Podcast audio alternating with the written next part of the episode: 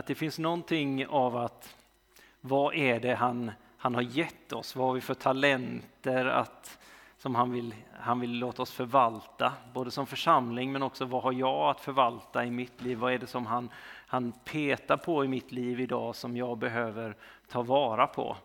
Eh, jag tror också det han, han säger, det här är frälsningens dag, att den här tiden, att han talar det över oss, det här är frälsningens dag. Eh, idag är frälsningens dag och att eh, det är, han, han samlar, han, han drar och det, vem är det som, som han drar i runt omkring dig? Herre, jag tackar dig för att du, du vill låta oss lyfta blicken och se dig, att du vill eh, du, du drar oss nära dig och det gör saker med oss i våra liv. Att vi får lämna saker till dig, att vi får göra upp med saker, att vi får också se eh, människor, att du, du har frälsningens dag för oss och för, för staden runt omkring oss, Herre, för vårt, vårt land. Och Herre, jag ber, om, eh, jag ber om urskiljning, jag ber om glädje, Herre, i den här tiden. Att vi får lyfta blicken och fröjda oss.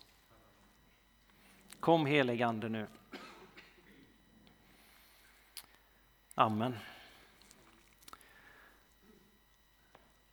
Vi är eh, i en eh, serie genom första Thessalonikerbrevet och eh, har predikat från första kapitlet och har nu kommit fram till kapitel 4 och ska läsa de tolv första verserna.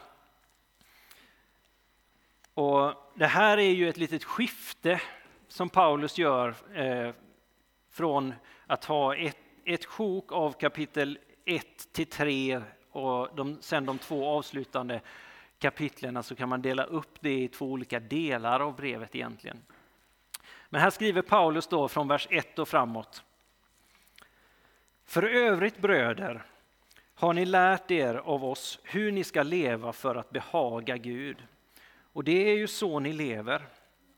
Nu ber vi er och uppmanar er i Herren Jesus att göra det ännu mer. Ni vet vilka föreskrifter vi har gett er från Herren. Detta är Guds vilja, att ni helgas och avhåller er från sexuell omoral, att ni var och en vet att vinna er en hustru på ett helgat och hedervärt sätt. Det får inte ske i lidelser och begär som bland hedningarna som inte känner Gud, så att någon går för långt i denna sak och kränker sin broder. Herren straffar allt sådant.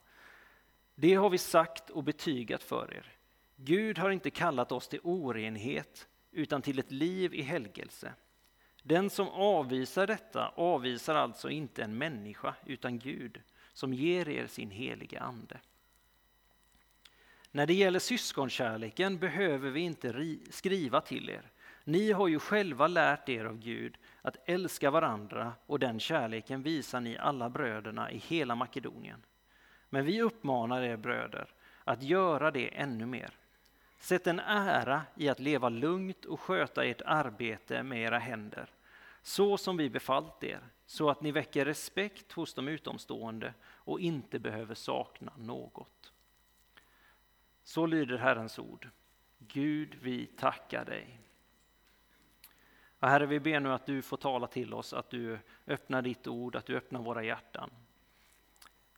I Jesu Kristi namn. Amen.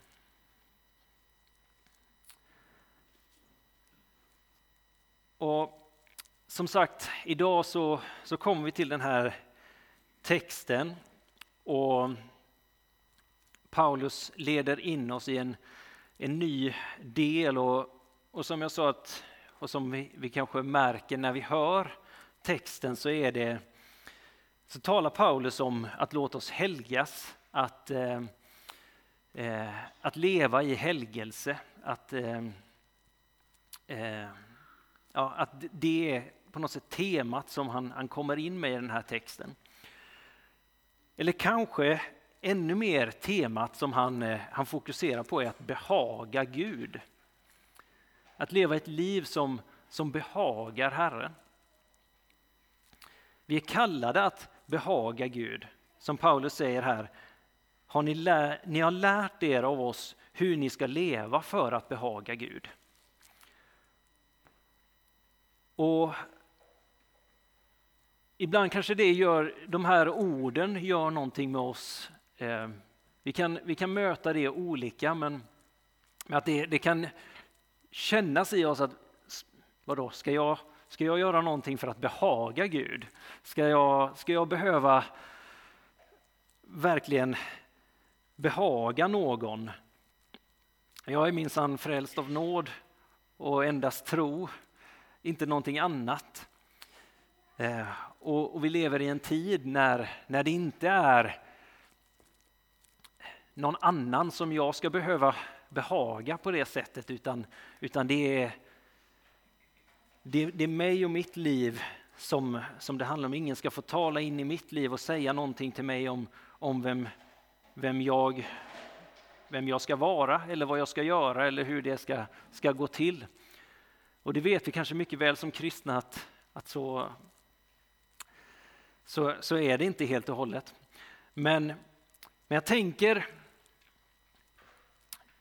att när vi, när vi tar ett steg tillbaka och lever våra liv, när jag lever ett liv som, som gift eh, eller när jag lever i, i, relation till andra och ibland så, så kanske jag lever utifrån att jag vill, jag vill behaga någon och det har blivit fel.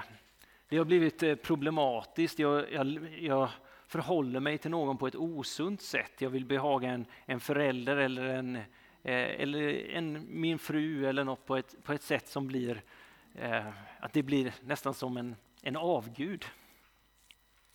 Men jag, jag, man kan heller inte leva i, en, i relationer utan att vilja behaga personen som man har, har en relation till. Jag vill behaga min fru. Jag vill behaga de som jag älskar. Att det är att älska någon att vilja, vilja behaga den personen. Och menar jag att jag vill, jag vill följa Jesus, jag, jag älskar honom, jag, vill, jag tror på honom, jag, jag tror att han är vägen, sanningen och livet, att han har det bästa för mig. Då handlar den bekännelsen om att jag också vill behaga honom med mitt liv. Om jag, om jag bekänner honom som Herre så måste det ju få konsekvenser i mitt liv att jag, jag tror att jag behagar honom genom att jag gör så här, genom att jag väljer de här valen i mitt liv. Även om kanske min, min första instinkt inte är att, att göra på det sättet. När vi kommer till den här texten så Patrik predikade förra veckan eh, över verserna fram till vers 10 i kapitel 3. Men här, sen så kommer Paulus och han har en överbryggnad, han har en, en bön som, eh, som han ber som leder in i kapitel 4. Och det är vers 11 och framåt då i, i kapitel 3 där han säger Må vår Gud och far själv och vår Herre Jesus leda vår resväg till er och må Herren låta er växa och överflöda i kärleken till varandra och till alla, liksom vi i vår kärlek till er. Så ska han styrka era hjärtan och göra dem fläckfria i helighet inför vår Gud och Far när vår Herre Jesus kommer med alla sina heliga. Så Paulus han, han, han, och det har blivit tydligt för oss genom, genom hela de här breven att han, han älskar församlingen i Thessaloniki. Han, han älskar dem, han, han känner sig som både en, en mor och en far för dem och han, han ger sig till dem. Han, han säger att eh, vi, har, vi har fullständigt utgett oss för er och, och, vi ber ständigt för er.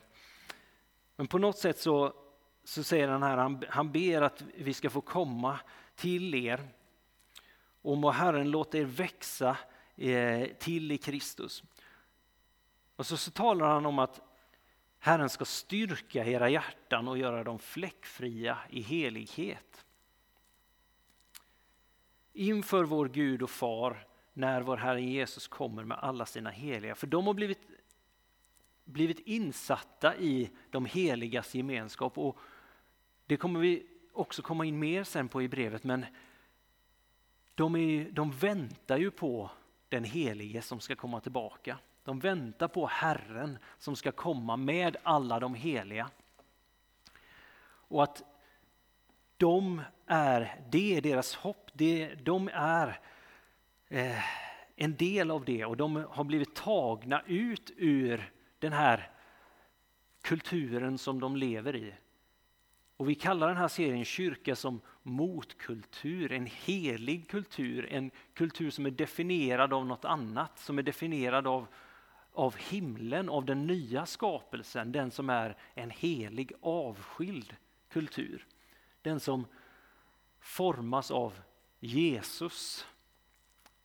Han som kommer in i tiden och är fullständigt annorlunda än allting runt omkring honom. Han som kommer med, med nåd, med kärlek, med kraft, med hopp, med tro, med renhet.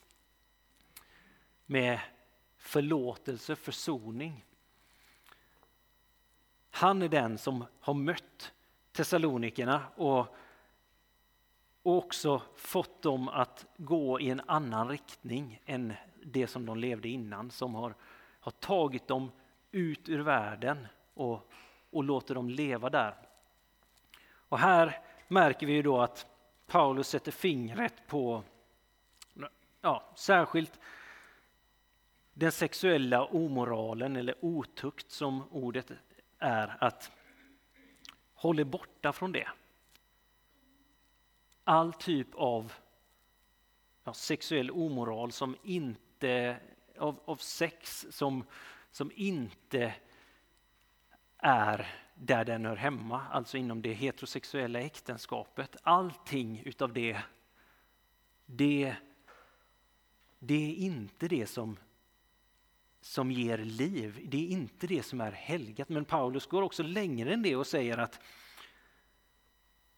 ja, men, ni, ni har levt i en kultur där, där det har uppmuntrats till att leva ut er sexuella lust.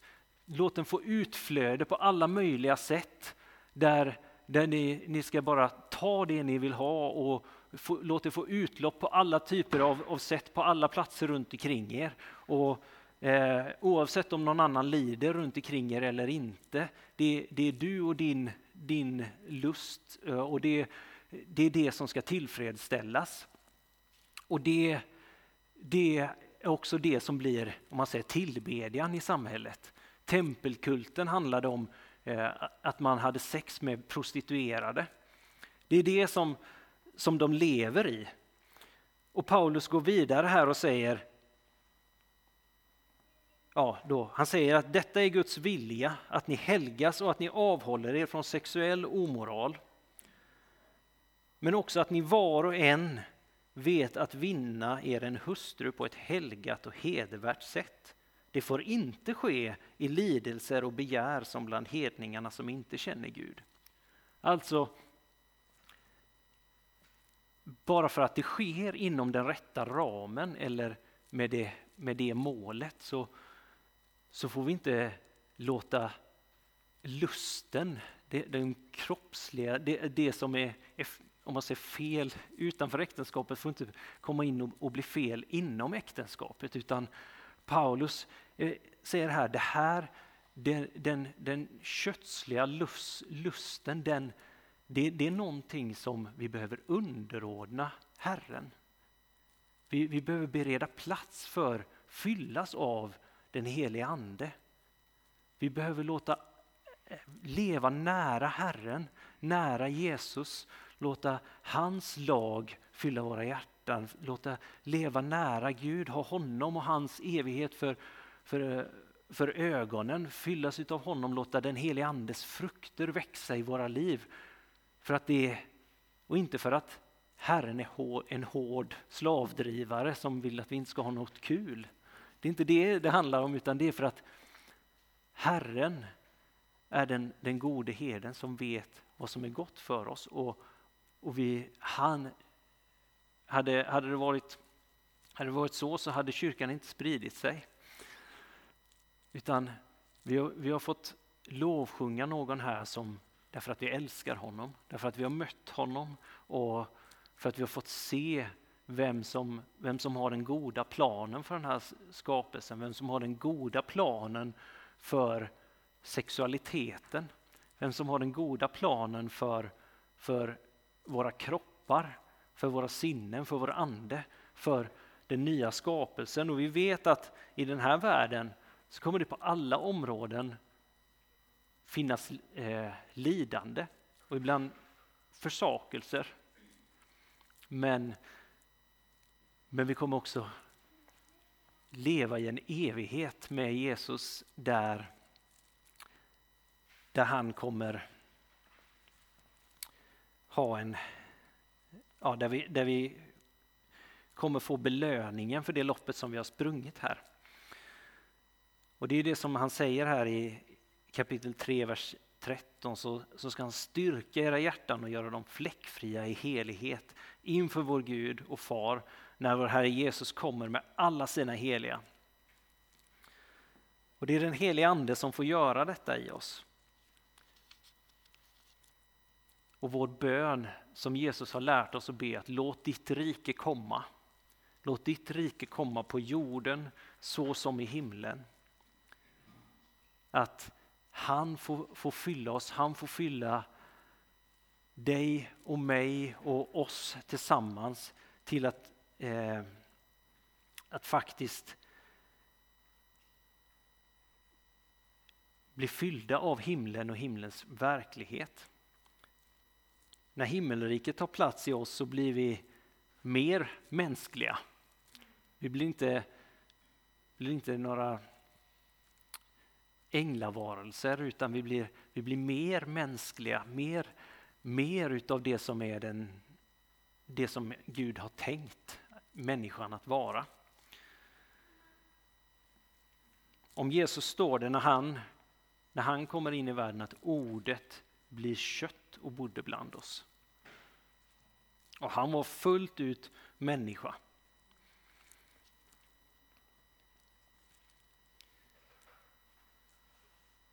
Franciscus av Assisi, eh, en, ett helgon långt tillbaka i tiden. Han, eh, han var ju en, en, som dels var väldigt, väldigt jordnära. Han, eh, han eh, tog hand om de fattiga, men han också eh, talade mycket i sin undervisning om, om naturen och, och så vidare. Men han, han liknade sin, sin kropp vid hans bror åsnan som, eh, och han sa att det är en älskad del av honom, men väldigt ofta verkar det som om den har en helt egen vilja, eller ett eget sinne. Och det var så att, som Bibeln också talar om, att, eh, att man strider mot köttet, strider mot eh, den kötsliga naturen i oss. Och han, han kunde väl uppleva det att han är fylld av, han är frälst, han är en ny skapelse, han har, han är fylld av den helige ande och Guds ande leder honom. Han vet vad, vad, vad han är på väg med. Så har han den här kroppen som, som inte vill det. Som, som är hans bror åsnan som, som vill göra, som kanske är lat eller har andra lustar eller så, men som han får så att säga tämja, tving, tvinga till lydnad. Eh, och som, som där jag började, att vi lever på många sätt i en tid när, när det inte är budskapet, utan budskapet är att släpp åsnan fri. Låt åsnan göra precis vad den vill. Eh, ge den den maten som den mest längtar efter. Men det handlar mer om att hur, hur tämjer jag åsnan? Inte att åsnan inte ska få någon mat alls, men, men vad, hur, hur tjänar åsnan bäst? Eh, hur, hur fungerar vi bäst tillsammans? Helgelse i den här texten används ju tre gånger här. Den versen som vi har läst här, att det är Guds vilja att ni helgas, att ni avhåller er från sexuell omoral och att vi ska vinna en hustru på ett helgat och hedervärt sätt. Och att Gud har inte kallat oss till orenhet utan till ett liv i helgelse. Han trycker om och om på det här att, att vi, lev, vi ska leva ett, ett helgat liv. Att leva ett liv format av den helige Ande, av, av Jesus, att avskilt för honom. Och Bibelns berättelse är ju den om att himmel och jord var förenat. Det var ett. Ett och samma, där Gud och människa bodde i enhet tillsammans. Men som, som många av oss känner till så, så åt människan av, av frukten som man inte, var det enda man var tillsagd att inte göra. Och gick emot Guds vilja, valde, valde sin egen väg, valde dödens väg. Och blev förvisad ifrån från Guds närvaro. Ifrån, ifrån den, den föreningen. Men Gud, Gud har hela tiden haft önskan och drömmen om att vara förenad med sin skapelse, med människan, längtat efter att bo ibland sitt folk och genom hela Bibeln så ser vi hur han tar steg för att leva ibland, leva nära, nära sitt folk, nära människor. Han går in i, förbund med Abraham. Han räddar Israels folk från, från eh, Egypten, från slaveriet. Och genom att han, han i, i sin, sin kraft befriar sitt folk och, och går in i förbund med dem så tar han sin boning ibland dem. Men sen, sen kommer hela, hela tredje Mosebok som handlar om vad behöver de göra för att Gud faktiskt ska kunna ha sin härlighet boende ibland dem. Och sen vet vi ju hur det går också men, men så kommer Jesus och kliver in i historien och han är ju han är ju tabernaklet, han är templet där som Guds härlighet har bott. Han är det nya Edens lustgård som, som kliver in där himmel och jord är förenat. Den helige ande bor i honom. Den helige ande kommer över honom och fyller honom. Och, och läser vi evangelierna och sen breven, apostlärningarna som följer så ser vi ju att kampen som står hela tiden är ju mellan var ska tillbedjan ske och vem är det som ska tillbes? Är det, är det i templet eller är det Jesus som nu bär på, som bär på den här nya föreningen mellan himmel och jord? Han förlåter synder. Han helar sjuka, han möter människor, han gör saker på sabbaten. Och när, när apostlar och lärjungar eh, sänds ut i världen så, så är det att de tillber någon annan. De, de människor lämnar synagogan eller de lämnar eh, tempelkulten eller vad det nu är. De, de lämnar tillbedjan av någonting, de lämnar eh, ja, det som man där ser som föreningen mellan himmel och jord och går till, till Jesus som redan nu är, har fört in den nya skapelsen där, där himmel har invaderat jorden, har förenat jorden. Och i det så säger Paulus då, ni har blivit en del av detta. Ni har blivit en del av att vara av den nya skapelsen som, som har kommit in i vår tid, i vår, i vår förlorade tid. Ni har blivit en del av att bära detta och ni lever för att den, det ska presenteras och att det ska visas upp. Ni lever för det som har kommit och som en dag ska fullbordas. Ni lever i den spänningen och det är inte lätt, men ni har fått en helig ande som handpenning. Ni har fått den här världens ljus boende inom er. Och vi ber att han ska styrka er Vi ber att han ska ge er kraft. Men vi behöver helga oss. Vi behöver, vi behöver fortsätta konstant göra upp med det som vill dra oss på, på sidovägar. Vi behöver göra upp med det som, som vi tidigare levde i, i den här världen. Vi kan inte kliva in i sexuell omoral. Vi kan inte försöka ta hustru på fel sätt, eller män. Eh, att, att den lidelsen får driva oss och när vi märker att det kommer upp i oss då får vi komma med det till Gud och, och bekänna det som synd, bekänna att Gud, det här, det här driver i mig. Men den som bor i mig är starkare än den som, den, det som finns i världen.